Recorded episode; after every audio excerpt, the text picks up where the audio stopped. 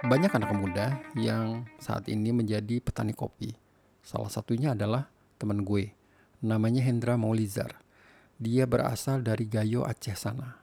Gua pertama kali bertemu mungkin sekitar 10 tahun yang lalu saat dia masih menjajakan kopi untuk dicoba. Tapi saat ini situasinya sudah berbalik. Orang kopi yang cari dia. Mengapa? Hendra orangnya sangat kreatif. Dia banyak melakukan berbagai eksperimen, khususnya di proses pasca panen. Jadi inilah dia perbincangan gua dengan Hendra Maulizar. Selamat menyimak.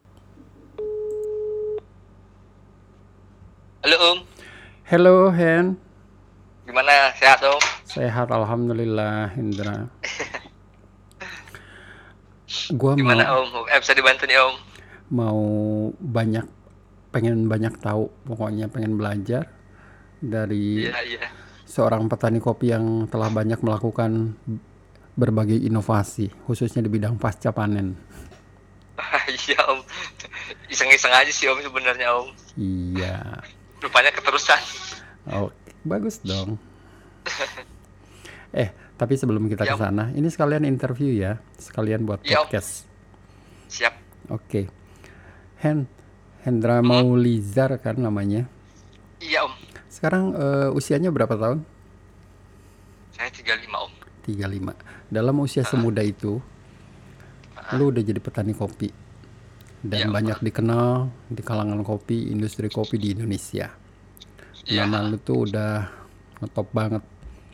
Sebab salah seorang petani yang banyak melakukan berbagai macam terobosan. Yang tadi gua bilang Iya, itu.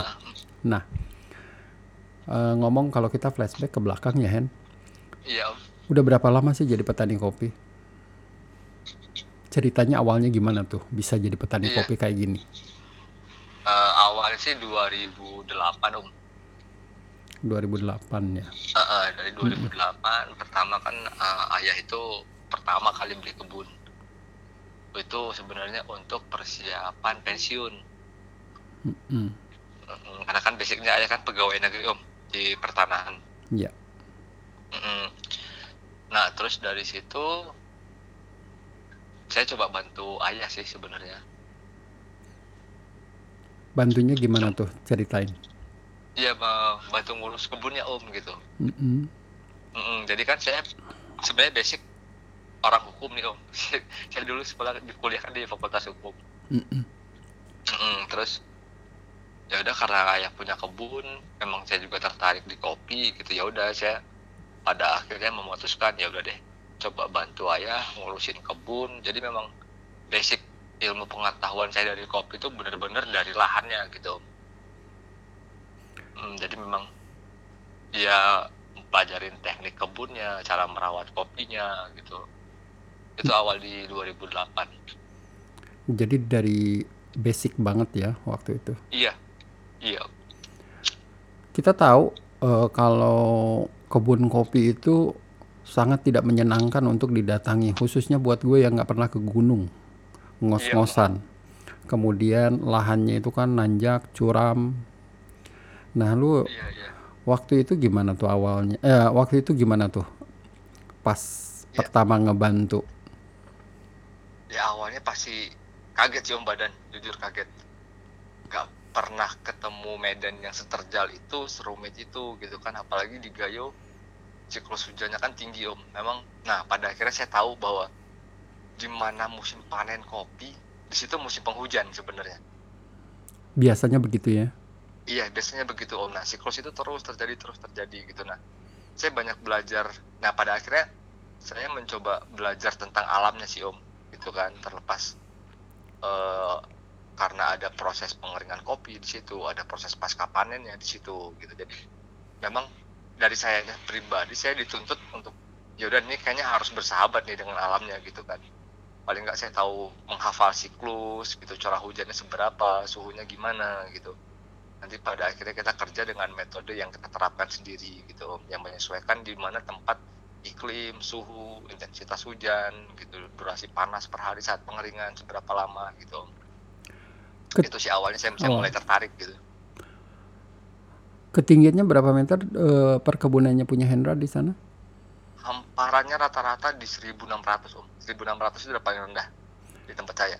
Jadi itu memang lembah di mana tempat itu dikelilingin tiga bukit tinggi di 1800 1600 sampai 1800 iya Eh, bener ha. cu- nggak ada waktu pertama kali naik ke ketinggian gitu nggak kena mountain sickness kayak pusing-pusing untungnya enggak sih om. Nggak ya? Untungnya enggak. Untungnya enggak iya.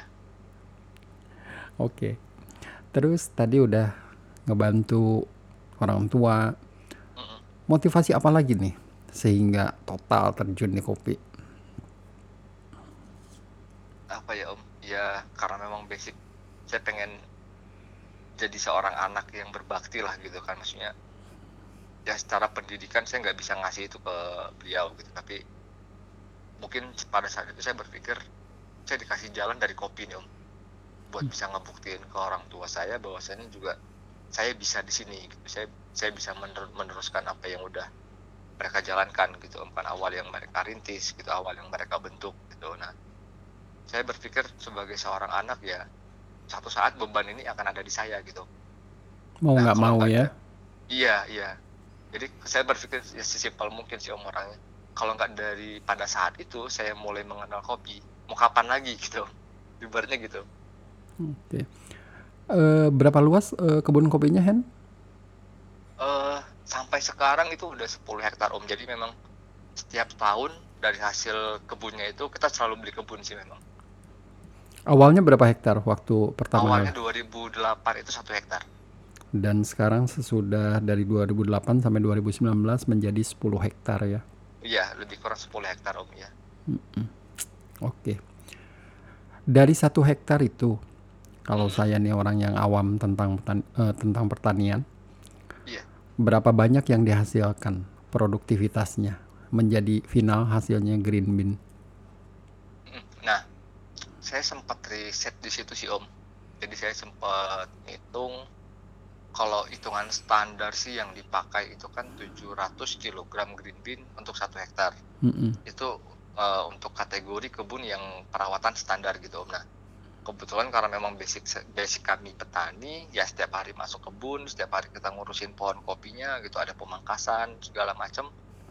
Dan ternyata hasilnya itu bisa lebih dari hasil yang di rata-ratakan gitu om pada pada waktu itu 2008 sampai 2010 per hektar kita bisa panen dapat green bean itu 1, 1 sampai 1,2 ton green bean per hektar Bagus banget ya hasilnya produktivitasnya.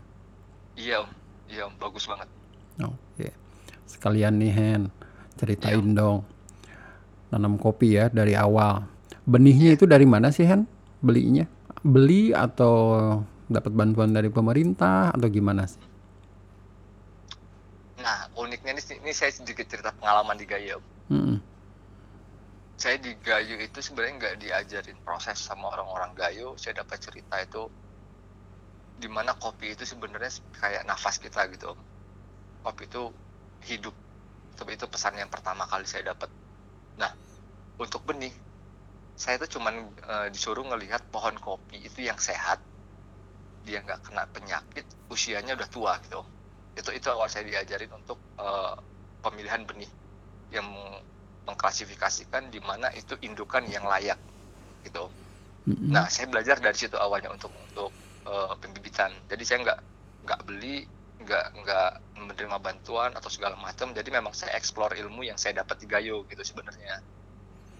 Dan itu teman-teman lain juga petani begitu caranya. Iya Om. Dan hampir semua petani di Gayo memakai pola yang sama seperti itu. Jadi mereka melihat potensi pohonnya gitu.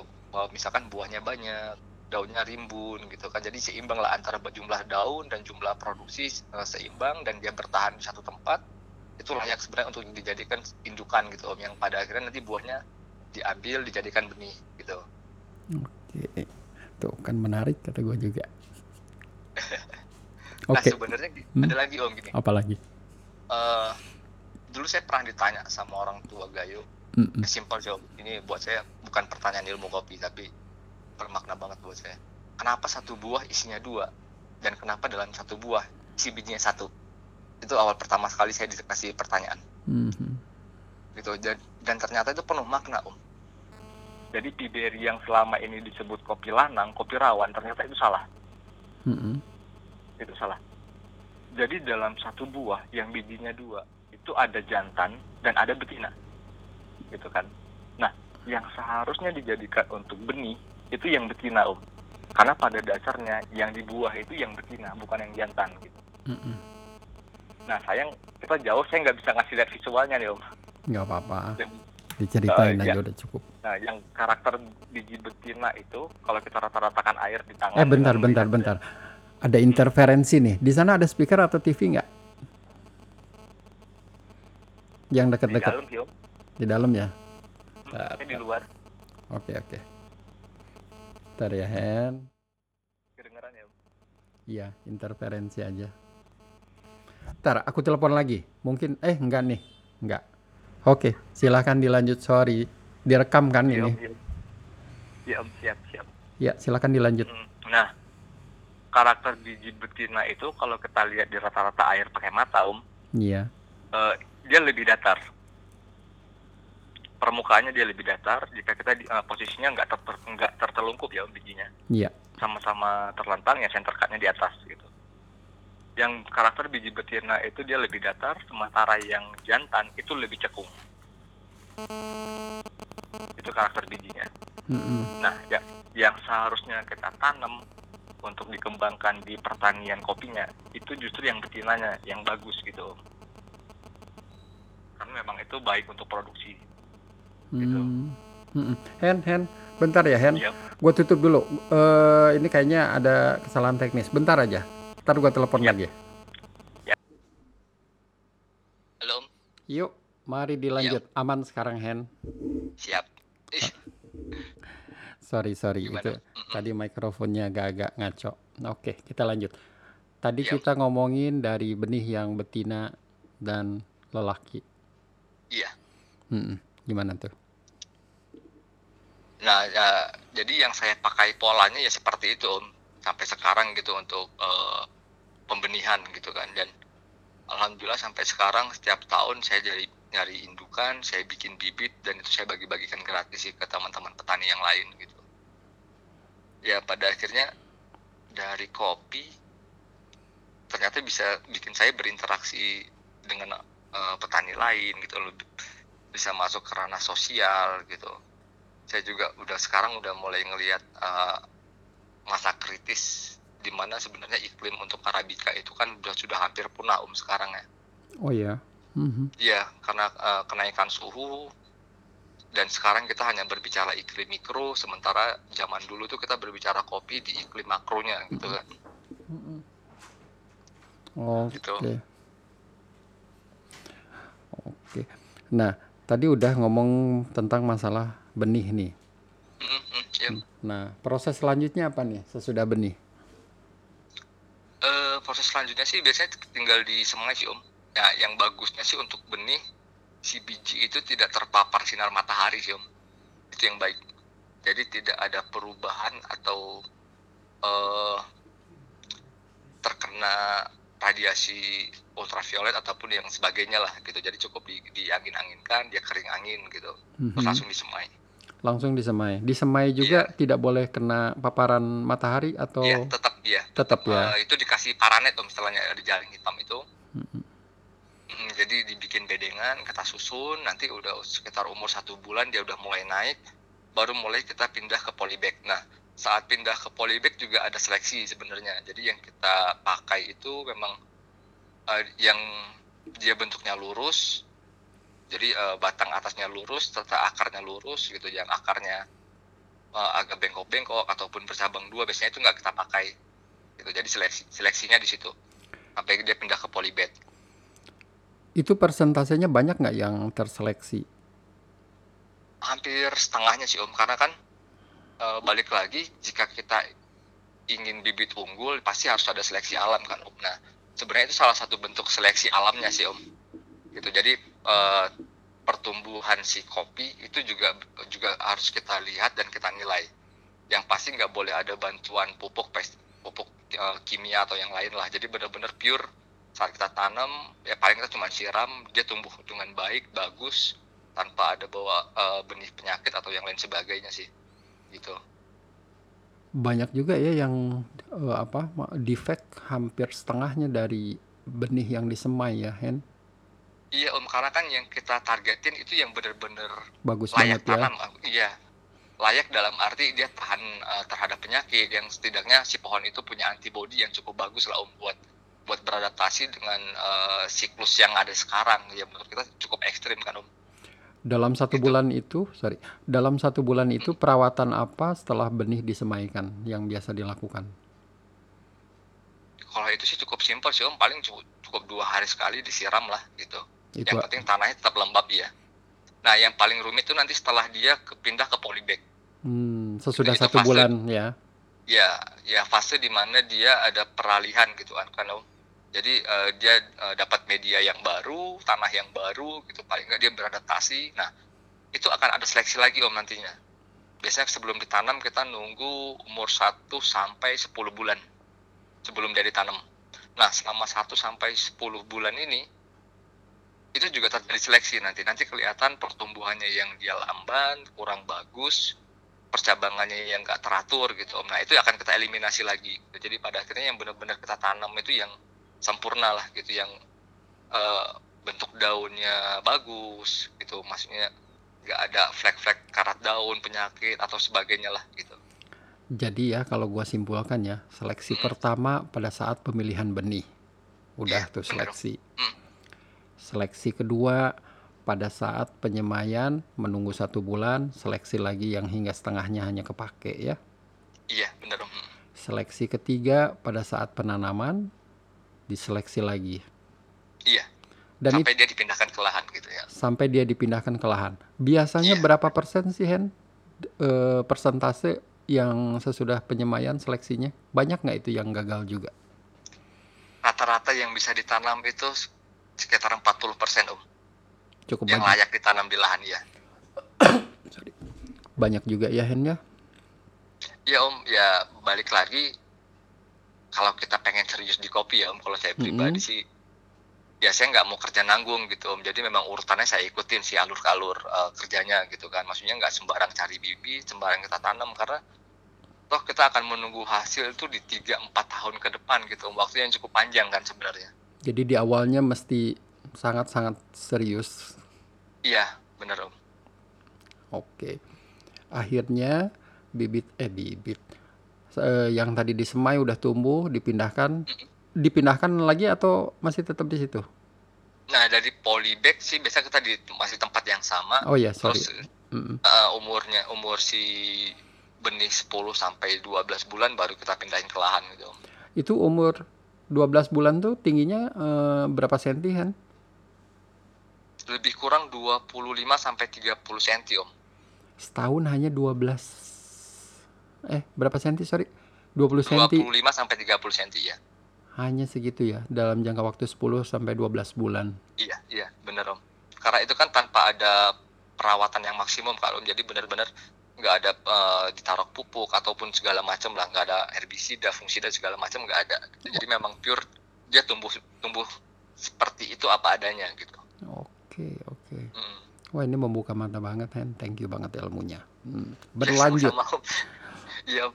Nah, sesudah tingginya 25 baru dipindahin ke lahan ya. iya baru ke lahan om Satu hektar berapa pohon Hmm. biasanya? Dan jaraknya berapa meter? tergantung varietas sih om sebenarnya kalau kita ngomongin jumlah pohon dan jaraknya berapa itu sebenarnya tergantung eh, varietas yang akan kita tanam sih Hmm, umumnya Betul. aja. umumnya sekitar 2 sampai 2 meter setengah itu umum Umumnya. jarak yang umum om iya Jadi satu hektar kira-kira ada sekitar 1400 sampai 1600 pohon 1000. di luar pohon naungan iya Oh, itu di luar pohon penaungan ya. iya iya itu hanya jumlah pohon kopinya aja om Kenapa kopi harus ditaungi? Supaya teduh. Nah, ini ini pertanyaan yang menarik nih Om yang sebenarnya eh, harus ada pemberitaan yang sedikit eh, logis ya Om kalau menurut saya. Hmm, gimana tuh pengalamannya, Hen? Eh, kopi dinaungin sebenarnya yang dinaungin sih bukan pohon kopinya sih Om. Jadi analisis saya selama ini ternyata yang dinaungin itu tanahnya justru. Jadi penaung itu justru menyeimbangkan kelembapan tanah di mana si kopi itu tumbuh. Dengan tanah itu lembab berarti akan ada mikroorganisme yang berkembang di situ. Ada unsur hara dan pH yang terjaga di situ uh, akibat dari kelembapannya. Sementara kopi perlu kelembapan dan uh, maaf perlu pH 5 sampai 5,5 gitu. Berarti kan perlu cukup uh, tanah yang lembab. Mm-hmm. Gitu. Jadi, Jadi analisis hmm. analisis saya selama ini penaung kopi itu bukan menaungi pohon kopinya, justru dia menaungi tanah yang ada di di sekitar itu. Dan tujuannya untuk supaya kelembaban terjaga. Kelembaban tanahnya terjaga, iya itu yang pertama. Terus yang kedua, naungan kalau saya pikir kalau cuma lamtoro nggak cukup ya om karena itu kan uh, standar yang dituliskan untuk naungan kopi ya om iya yeah. saya juga nggak tahu siapa yang nulis tapi apa yang saya lihat di lapangan ternyata lamtoro itu tidak cukup menaungi si kopi dengan alasan kedua mereka yaitu uh, dengan adanya lamtoro itu bisa menahan laju angin teorinya gitu.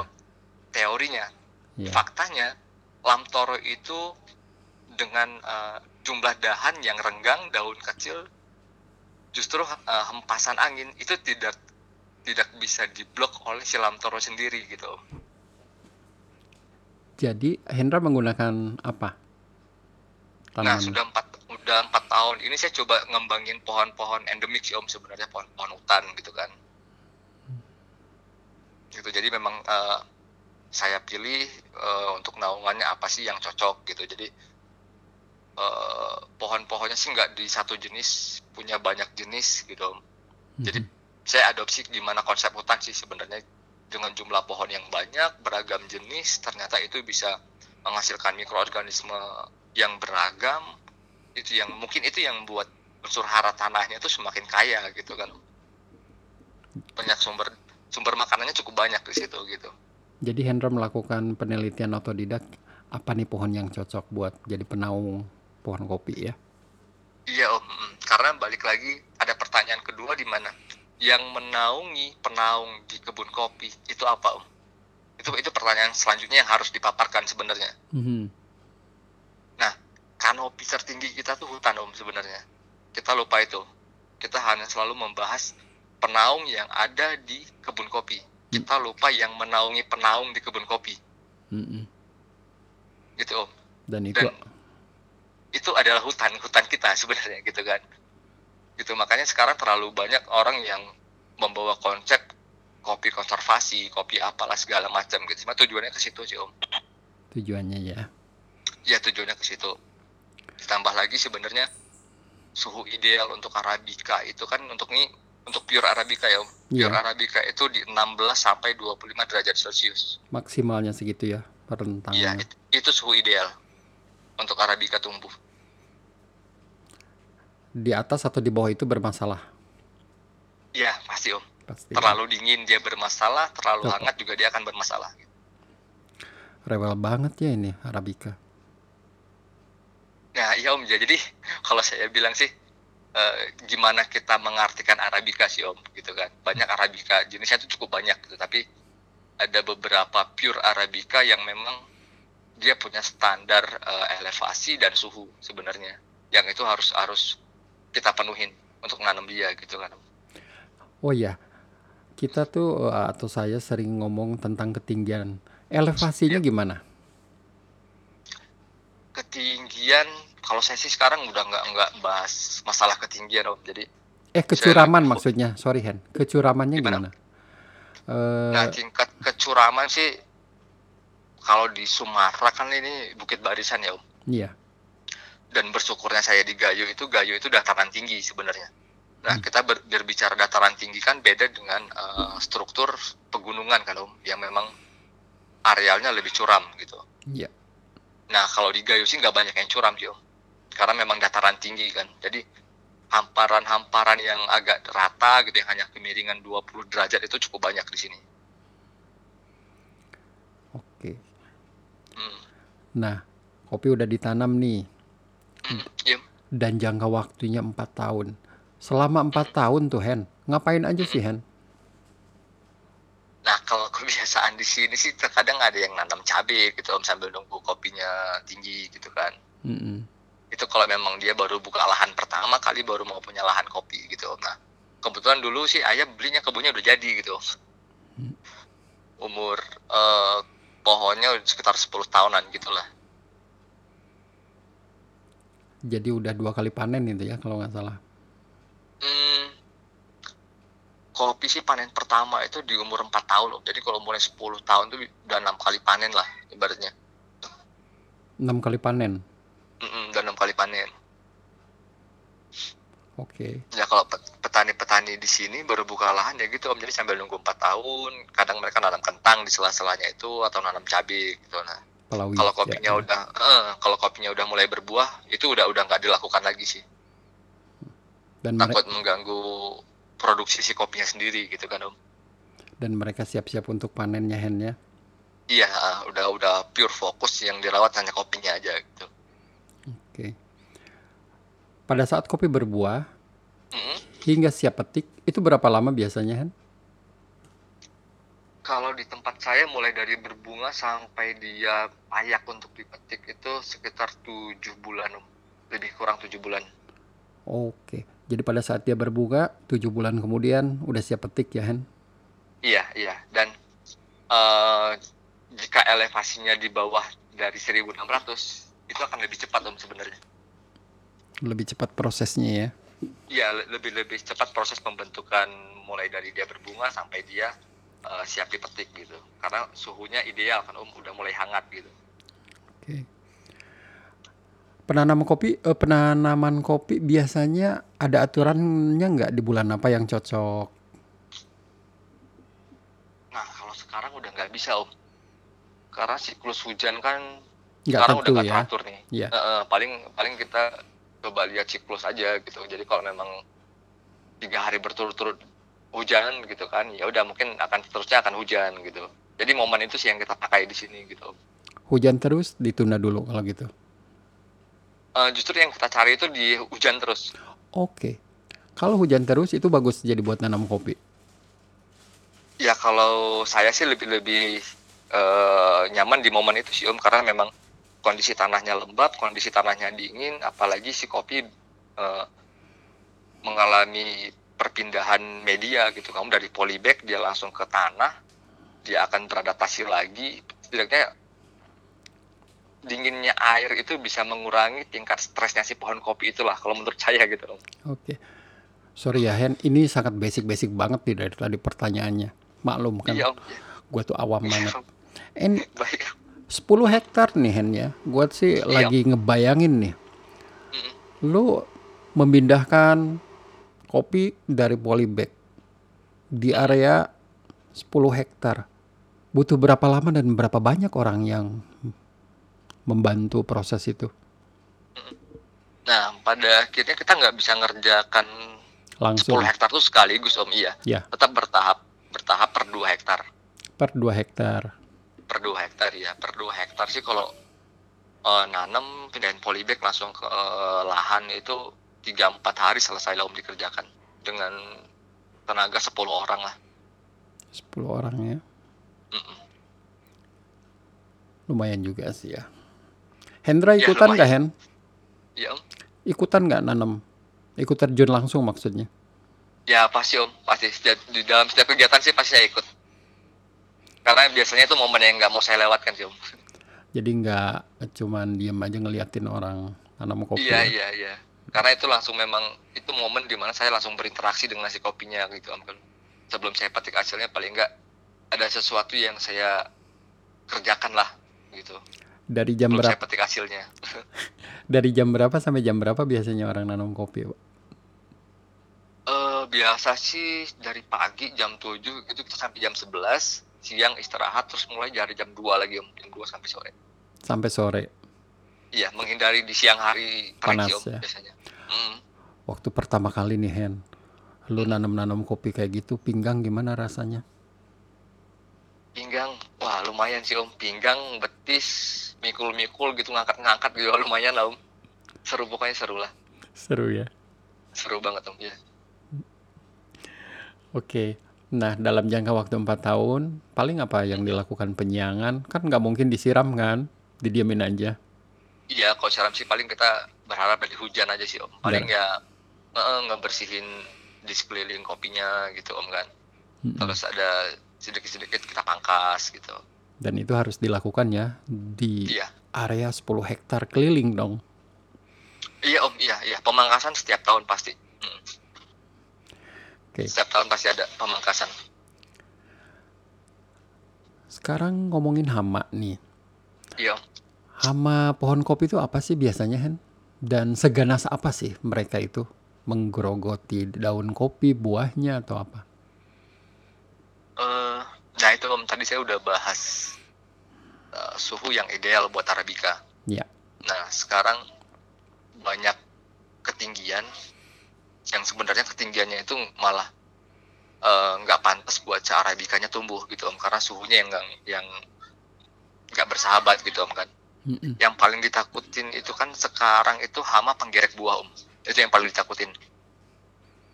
Dan hama itu bertahan hidup di daerah panas dan hangat.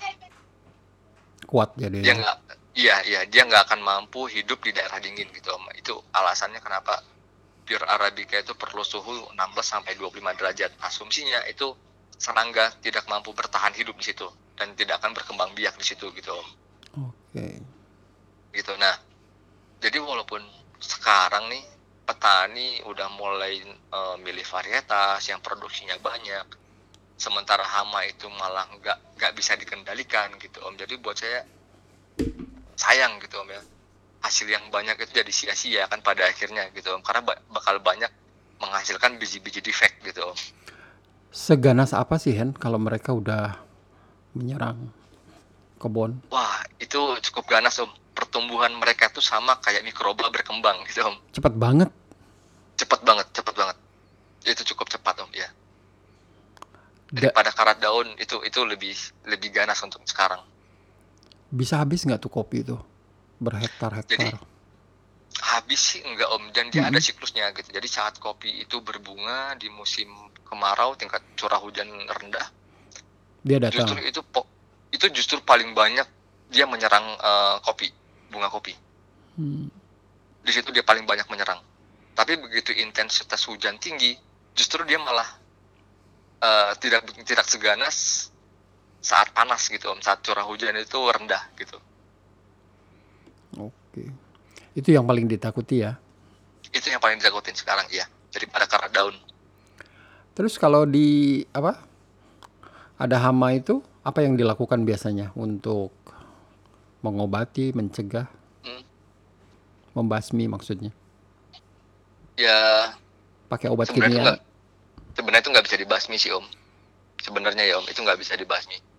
Karena apa ya om, eh, pertumbuhan mereka dan mereka berkembang itu cukup cepat gitu. Nah makanya saya di kebun sendiri itu saya sengaja nggak menjaga laba-laba sih om sebenarnya. Jadi kalau ke kebun saya tuh wajar kalau banyak laba-laba itu satu hal yang nggak boleh dirusak buat Ma- saya gitu om. Malah membantu ya. iya karena laba-laba itu kan pestisida alami om. Mhm. Nah, sementara pergerakan serangga itu kan paling aktif itu kan di petang ya Om, mulai agak sore gitu lah. Mhm. Pagi dan sore itu itu ganas-ganasnya serangga bergerak gitu kan. Dan Gitu, si ya. laba-laba ini menjebak mereka. Iya, bener. Nah, makanya edukasi saya ke teman-teman petani sih laba-laba itu pestisida alami gitu Om. Terus kita nggak ngeluarin biaya besar buat membasmi eh, serangga-serangga itu gitu kan. Jadi ya balik lagi yang saya bilang ke mereka, rantai makanan di alam itu jangan diputus gitu Om. Walaupun suhunya udah agak panas, mungkin karena kesalahan kita nebang hutan sembarangan, hutannya habis gitu kan Om. Suhu Iya. panasnya naik gitu ya, itu memang salah kita gitu kan. Tapi ya jangan kita tambah kesalahan gitu menurut saya kayak gitu sih ya cukup dengan menjaga laba-laba itu udah udah salah satu cara sih om sebenarnya Pesan penting, salah satu pesan Mhm. penting percakapan ini, jangan merusak ekosistem yang sudah ada.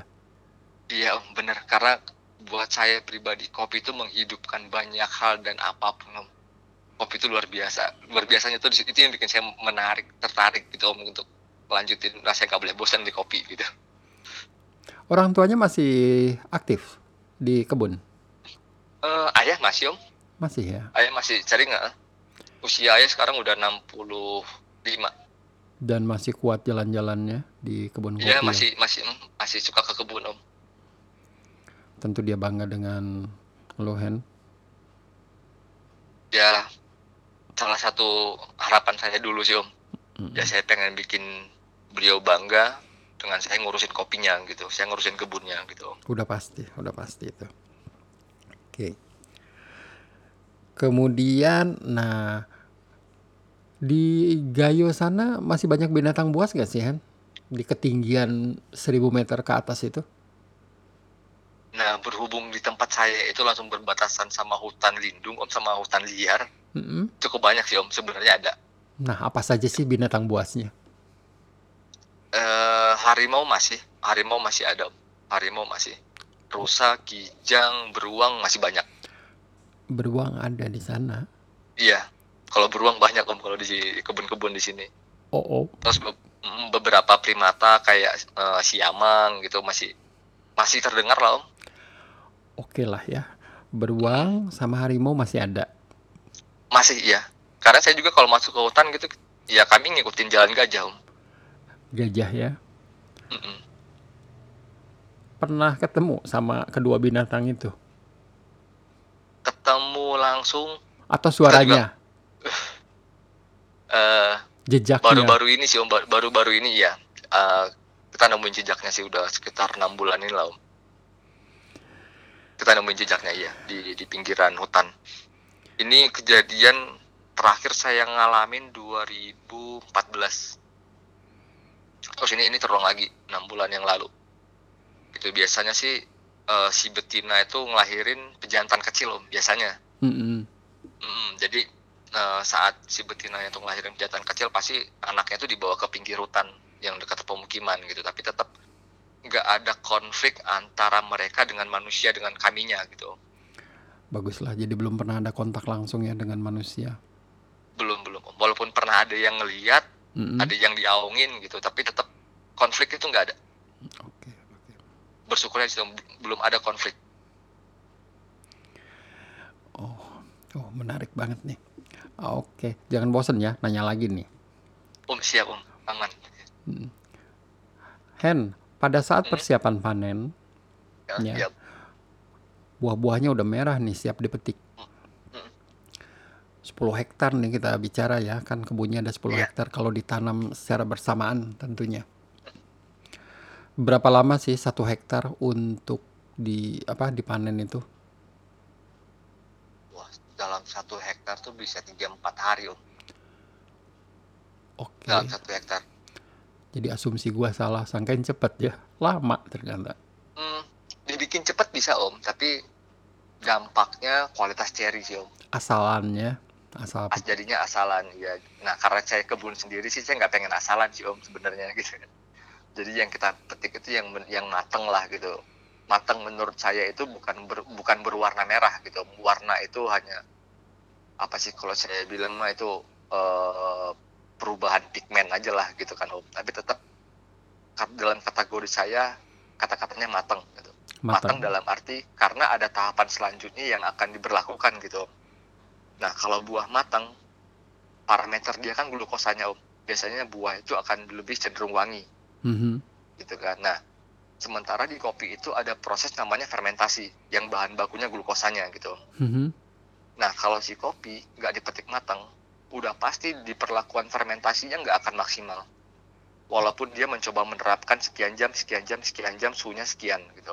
Pakai Karena teknik apa? apa pun tetap aja. Ya, Iya, karena materialnya kurang gitu. nggak ada modalnya ya Hennya. Iya om, makanya istilah saya itu bukan petik merah, tapi petik yang dia bener-bener matang. Matang dalam arti kita akan melakukan ke- kegiatan selanjutnya yaitu fermentasi yang membutuhkan glukosa dari buah tersebut gitu kan om. Nah, lu Itu bahasa saya sih. gimana cara ngeceknya? Dirasain atau dicium? Nah, untuk simpelnya sih saya pakai pola pemetikan buah om. Jadi gini, sebenarnya syarat syarat untuk pemetikan buah itu kan petik buah di mana proses fotosintesa sudah selesai. Mhm. yang artinya eh, proses masak pada tumbuhan sudah selesai, si buah dapat nutrisi. Gitu Om. Nah, jadi yang kami mainin di sini hanya pola waktu pola petiknya Om. Kapan jamnya dia dipetik. Cuman itu sih Om sebenarnya. Sesimpel itu yang kami kerjakan. Oke. Dan itu Jadi si, si kopi itu udah dapat makanan gitu, udah dapat nutrisi, dia udah dapat unsur gula, dia udah dapat unsur air, dia udah dapat karbon di situ Om kan ya. Petik pada waktu itu gitu. dan itu memerlukan kurang lebih 3 hingga 4 hari per hektar ya. Iya Om, itu yang bikin lama sebenarnya. Itu yang bikin lama. Jadi kalau untuk 10 hektar sebulan lebih tuh panennya ya kira-kiranya. Iya Om, jadi tukang petiknya itu muter terus. Berapa orang satu hektar? Sorry tadi. Kalau tukang mm, petik kita sih 8 orang Om. 8 orang ya. Mm-mm, karena di tempat saya kan mayoritas petani om nggak ada buruh gitu kan jadi terkadang harus nunggu mereka metik di kebunnya sendiri dulu baru masuk ke kebun kita lagi gitu ya sistemnya gotong royong sih om Dengan perkebunan teman tetangga yang lain di sana ya. iya iya benar. Oke, setelah dipetik apalagi yang eh, tahap selanjutnya? nah biasanya sih saya tuh nggak pernah mau proses fresh cherry jadi gini eh, asumsinya buah yang baru dipetik itu masih terlalu banyak unsur getah sebenarnya Mhm. Nah, saya biasanya melakukan eh, satu hal di mana saya membiarkan dulu setelah dipetik. Jadi saya mengabaikan eh, istilah orang kop buah kopi eh, habis dipetik 8 jam harus diproses. Saya coba menghapus kata-kata harus itu Om sebenarnya. Apa yang saya lakukan gitu. Jadi ya hasil apa yang saya ulik di sini fresh cherry, buah yang baru dipetik diproses dengan unsur getah yang cukup tinggi ternyata rasanya juga belum tentu begitu bagus gitu. Ada faktor X yang itu mempengaruhi tingkat kebersihan rasa gitu kan yaitu faktor getahnya sendiri gitu. Nah dari situ saya coba atur waktu di sini om jadi yang baru buah habis dipetik paling enggak 10 sampai 12 jam baru saya proses gitu baru dipalping atau eh, sebagainya lah gitu. Jadi diistirahatkan dulu selama 10 hingga 12 jam baru diproses selanjutnya ya. Iya baru baru diproses om makanya kegiatan pulping kita tuh selalu di malam hari.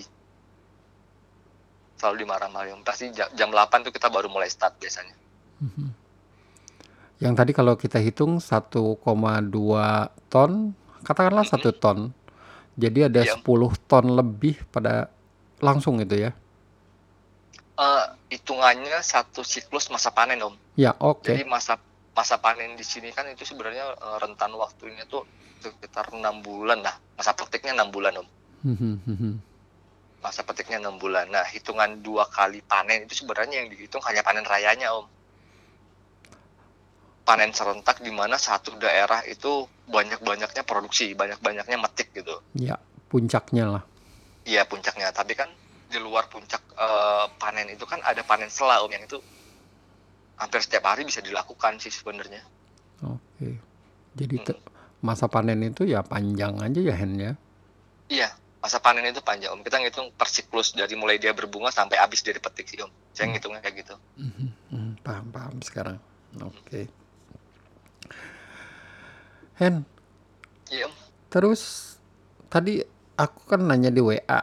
Hendra melakukan berbagai macam eksperimen atau inovasi di bidang pasca panen, khususnya di bidang fermentasi. Saat kopi mengalami sebuah transisi atau proses yang paling penting, cukup penting. Iya. Eh, nah, pertanyaannya eh, sebelum kita masuk, fermentasi itu tujuannya apa sih? Dan apakah semua kopi harus difermentasi?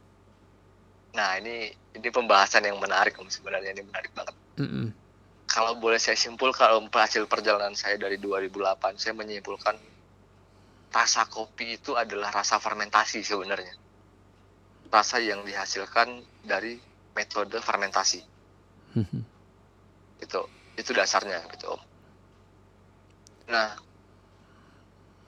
nanggepin pertanyaan om apakah semua kopi itu perlu difermentasi jawaban saya iya ada fermentasi yang terkontrol dan ada fermentasi yang tidak terkontrol contohnya gini Mm-mm. natural proses orang beranggapan itu tanpa fermentasi Padahal, sebenarnya Mhm. masa pengeringan dia itulah masa fermentasinya, Om. Jadi masa fermentasi yang cukup panjang. Yang dibiarkan aja dikeringkan gitu aja itu fermentasi ya Hen? Iya, iya, fermentasi secara alami, Om, tanpa Mhm. terdeteksi oleh kita manusianya gitu. Tanpa tanpa uh, ada kontrol manusianya, tanpa campur tangan manusia yang lebih banyak di natural proses gitu. Mhm. Nah, terlepas dari natural, misalkan udah kayak uh, honey proses, wash ataupun segala macam, itu kan lebih peran di mana manusianya yang mengontrol pola fermentasi gitu, Om. Nah, sebenarnya kalau boleh saya simpulkan sih arti fermentasi itu sebenarnya pembentukan energi aja sih, Om. Pembentukan energi pada kopi sebenarnya itu.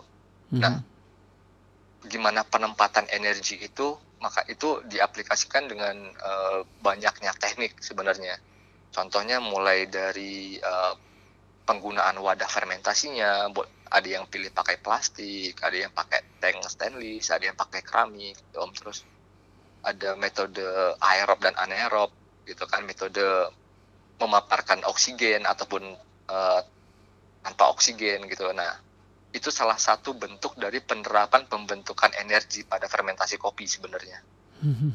Intinya itu ya. Intinya itu iya, karena ada bahasa yang akan selanjutnya dikerjakan oleh roaster yaitu menempatkan energi pada biji kopi. Energi yang ditempatkan udah berbeda dengan proses uh, pasca panen. Pasca panen main di air, kalau di roaster itu mainnya di api gitu, Am. Jadi menempatkan energi panasnya ke biji kopi gitu. Hmm, Oke. Boleh dijelaskan berapa banyak teknik fermentasi yang saat ini dilakukan oleh Hendra? Eh, sebenarnya sih saya cuma melakukan metode fermentasi dasar ya, sebenarnya gitu. Jadi saya juga nggak berani macam-macemin dan saya juga nggak punya cukup kemampuan ataupun fasilitas untuk memacam-macamkan dia sih Om sebenarnya. Nah, saya sering pakai teh- eh, bahasa aerob dan anaerob itu sebenarnya bahasa perlakuan fermentasi dasar sih sebenarnya Mhm. yang aerob itu menggunakan oksigen, ada paparan oksigen secara alami gitu kan. Berarti dia difermentasi dengan kondisi terbuka. Sementara anaerob dia difermentasi tanpa oksigen yaitu dia dengan dibekap. Boleh eh, dimasukkan dalam plastik, diikat, masukkan ke tank stainless ataupun yang lain sebagainya gitu Om. Dan udara tidak boleh masuk sama sekali pada saat itu ya. Yang untuk anaerob. Ya, Oke. ya untuk untuk anaerob gitu. Nah, jadi kan sebenarnya itu patokan di mana tidak semua daerah, tidak semua tempat itu cocok di aerob ataupun cocok di anaerob Om. Mhm. Nah, sebenarnya kalau boleh saya bilang sih di situlah peran prosesor untuk mengulik, mencari tahu, membuat satu metode pasca panen yang tepat, yang layak untuk kopi itu gitu. Dan nggak bisa kita mengadopsi eh, cara proses dari tempat lain 100% kita gunakan di situ dan itu belum tentu cocok sih Om sebenarnya. Karena banyak faktor yang harus kita lihat kan Om mulai dari eh, suhu mikronya seperti apa gitu. Banyak faktor ya Hen ya. Nggak nggak serta Ya, merta banyak itu bisa diduplikasi oleh petani-petani di daerah lain. Iya, iya benar banget Om. Jadi walaupun saya sih sebenarnya orang-orang yang nggak pernah sungkan memaparkan apa yang saya kerjakan sih Om sebenarnya, karena saya yakin juga apa yang saya kerjakan ini belum tentu kok bisa dikerjakan di daerah lain gitu Om. Karena saya mengerjakan dengan kondisi saya di sini gitu kan, sementara kondisi di sana berbeda gitu. Tapi tetap sebenarnya ada benang merah yang itu bisa dipakai, sebenarnya bisa Om. Mhm. Mm-mm. Saat ini fermentasi dilakukan berapa lama Hen prosesnya? eh lama waktu fermentasi saya nggak pernah berani matok om jadi memang setiap hari kita coba ngelihat siklusnya gimana kita ngelihat perubahan suhunya gimana gitu yang Mhm. pada akhirnya jam fermentasi itu akan selalu berubah Nggak bisa sama rata lagi. nggak bisa om Mhm. nah saya kondisikan begini om sekarang ini lagi intensitas hujan agak rendah Mhm. suhu lebih cenderung panas kalau saya pakai metode fermentasi 36 jam maka kopi saya akan sour Mhm. gitu. Nah, kalau suhunya dingin, intensitas hujan saya sini tinggi, rata-rata suhu itu mainnya di sekitar 15 sampai 17 derajat Celcius. Itu mampu bertahan fermentasi di 36 sampai 48 jam. Berarti kan waktunya lebih panjang nih, Om. Iya. tinggal diakalin gimana antara suhu yang agak hangat dengan suhu yang terlalu dingin, pola fermentasinya bisa berjalan tapi tidak membentuk satu karakter yang itu terlalu jauh untuk uh, kopi tersebut gitu. Misalnya dari proses wash gitu. Tidak boleh beralih jauh flavornya gitu. Paling kalau ada peralihan karakter tingkat buah itu wajar lah om. Itu wajar banget. Tapi tingkat uh, unsur manis, tingkat keasaman, body gitu, itu kan sebenarnya nggak boleh berubah om kalau kita ngomongin sebuah origin gitu kan hmm, hmm. gitu ya saya berpatokan itu aja sih om terlepas nanti rasa buahnya yang muncul beda dari setiap proses uh, fermentasi itu sih buat saya wajar om karena pada akhirnya penerapan pola fermentasi kita di sini kan melihat siklus yang ada di sini gitu kan dan itu tidak bisa diterapkan sama dalam dua kondisi yang berbeda gitu. Gue tuh mengangguk-angguk pura-pura paham nih ya, tapi ini ilmu ilmu banget nih ilmu banget. Kita tuh melewati satu proses. Tadi uh, sebelum iya. fermentasi itu dikupas dulu kan kulitnya iya, ya. Oke, okay. baru ferment. Katakanlah setelah sekian jam difermentasi 20 uh, 36 jam atau berapa jam. Proses selanjutnya apalagi tuh Hen? Proses selanjutnya tergantung sih Om. Uh, kita mau bikin wash atau honey sih sebenarnya setelah dipalping gitu kan. Mm -hmm. Nah kalau pulping fermentasi ya kita sebut kita coba menyepakati aja itu full wash lah gitu om. Ya full wash ya. Hmm, kita coba nyampatin full wash ya biasanya sih langsung dicuci sih om. Itu langsung dicuci, cuci bersih sampai bener-bener nggak ada mucilage yang nempel di permukaan uh, parchment itu udah kita anggap bersih gitu dan airnya jernih pencuciannya. Proses pasca panen itu memerlukan banyak sekali air ya kalau gitu. Iya om, karena prosesor itu main di elemen kedua air. Mm-hmm. saya belum cerita ya om, saya bikin konsep dari uh, mantra kopi gayo. Mm-hmm. Jadi di mantra kopi gayo itu menyebutkan angin, air, api, tanah. Empat elemen? Empat elemen yang nggak bisa dipisahkan dari kopi. Dan kopi itu porosnya om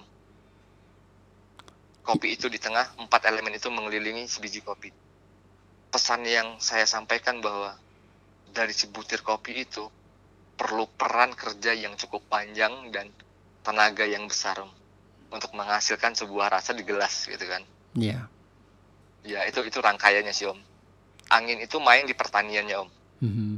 jadi uh, ada sistem penyerbukan yang dibantu oleh angin yang itu salah satunya untuk uh, meningkatkan produksi. Makanya kayak saya bilang tadi uh, yang harusnya ditanam itu bijinya yang betina karena dia yang dibuahi gitu. Nah, maksud saya itu. Gitu.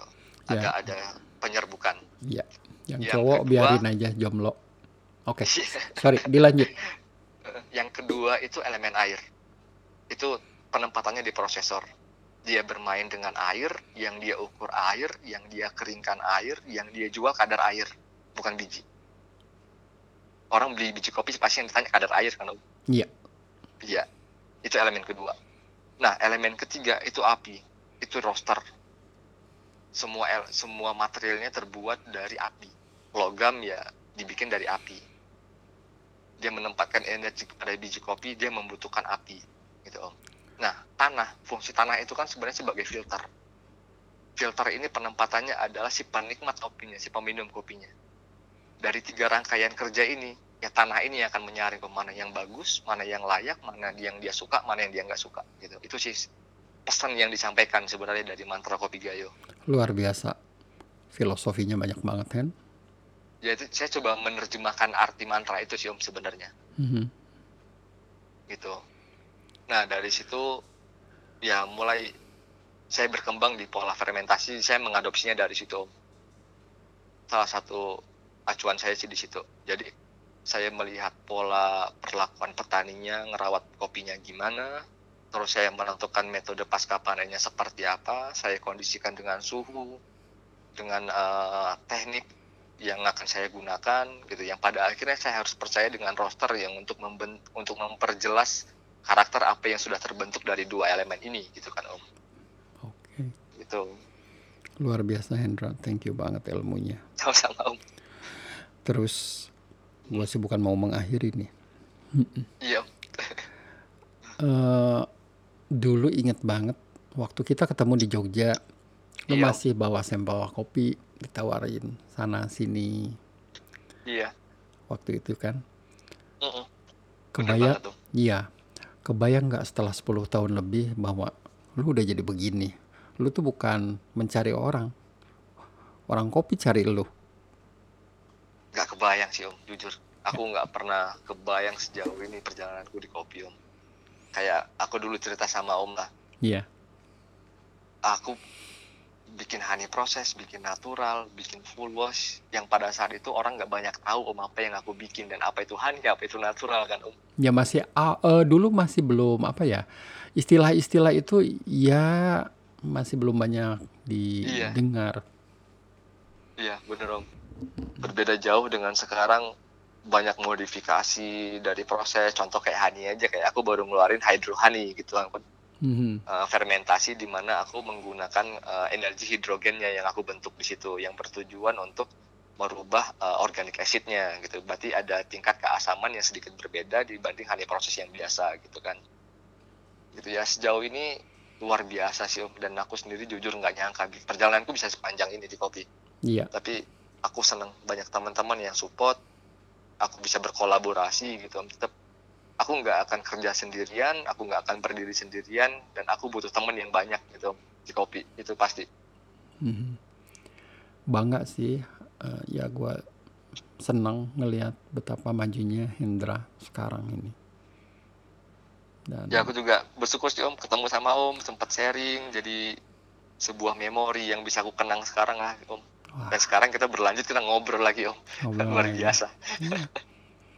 Dan gue menyimpulkan jadi petani kopi itu harus berdedikasi tinggi karena prosesnya benar. panjang, nggak mudah, kesabaran yang luar biasa. Kita ngomongin 4 sampai 5 tahun. Iya, Untuk tumbuh 25 cm aja perlu satu tahun. iya bener Om. Ya bet, apa memang eh, dedikasi yang luar biasa untuk jadi seorang petani kopi nggak gampang apalagi lahannya. Iya, Gua sih nggak tahan Hen di ketinggian 1300 aja udah mulai pusing. Ini kita ngomongin 1500, 1600. Oksigen kan udah iya, berkurang banget. oksigennya tipis banget. Iya. Agak sesak napas dikit lah. Ceritain dong tentang Gayo. Eh, gue tuh belum pernah ke sana. Ke Banda Aceh udah pernah. Ke Gayo belum. Eh, ke Gayo itu belum pernah. Kayak gimana sih alam di sana? Gayo itu seluas mata memandang yang kita lihat pohon kopi. Mhm. Seluas mata memandang yang kita lihat cuman kopi. Mulai kita masuk mau masuk ke rumah, kita ngelewatin kebun kopi. Kita ke belakang rumah yang kita liatin juga kopi. Itu memang Gayo, Gayo itu memang kaya kopinya, Om. Dan orang Gayo itu hidup dari kopinya. Wajar kalau orang Gayo bilang kopi itu nafas nafasnya mereka tuh itu itu memang benar. Di kopi ya. itu memang benar iya. Hamparan perbukitannya gitu kan om di dataran tinggi. Itu ada danau laut tawar yang indah gitu. Ah kaya banget tau Gayo sumber airnya melimpah om dari dari gunung. Ya hampir semua gunung tuh mengeluarkan mata air gitu om. Jadi Dan jujur kalau Hmm.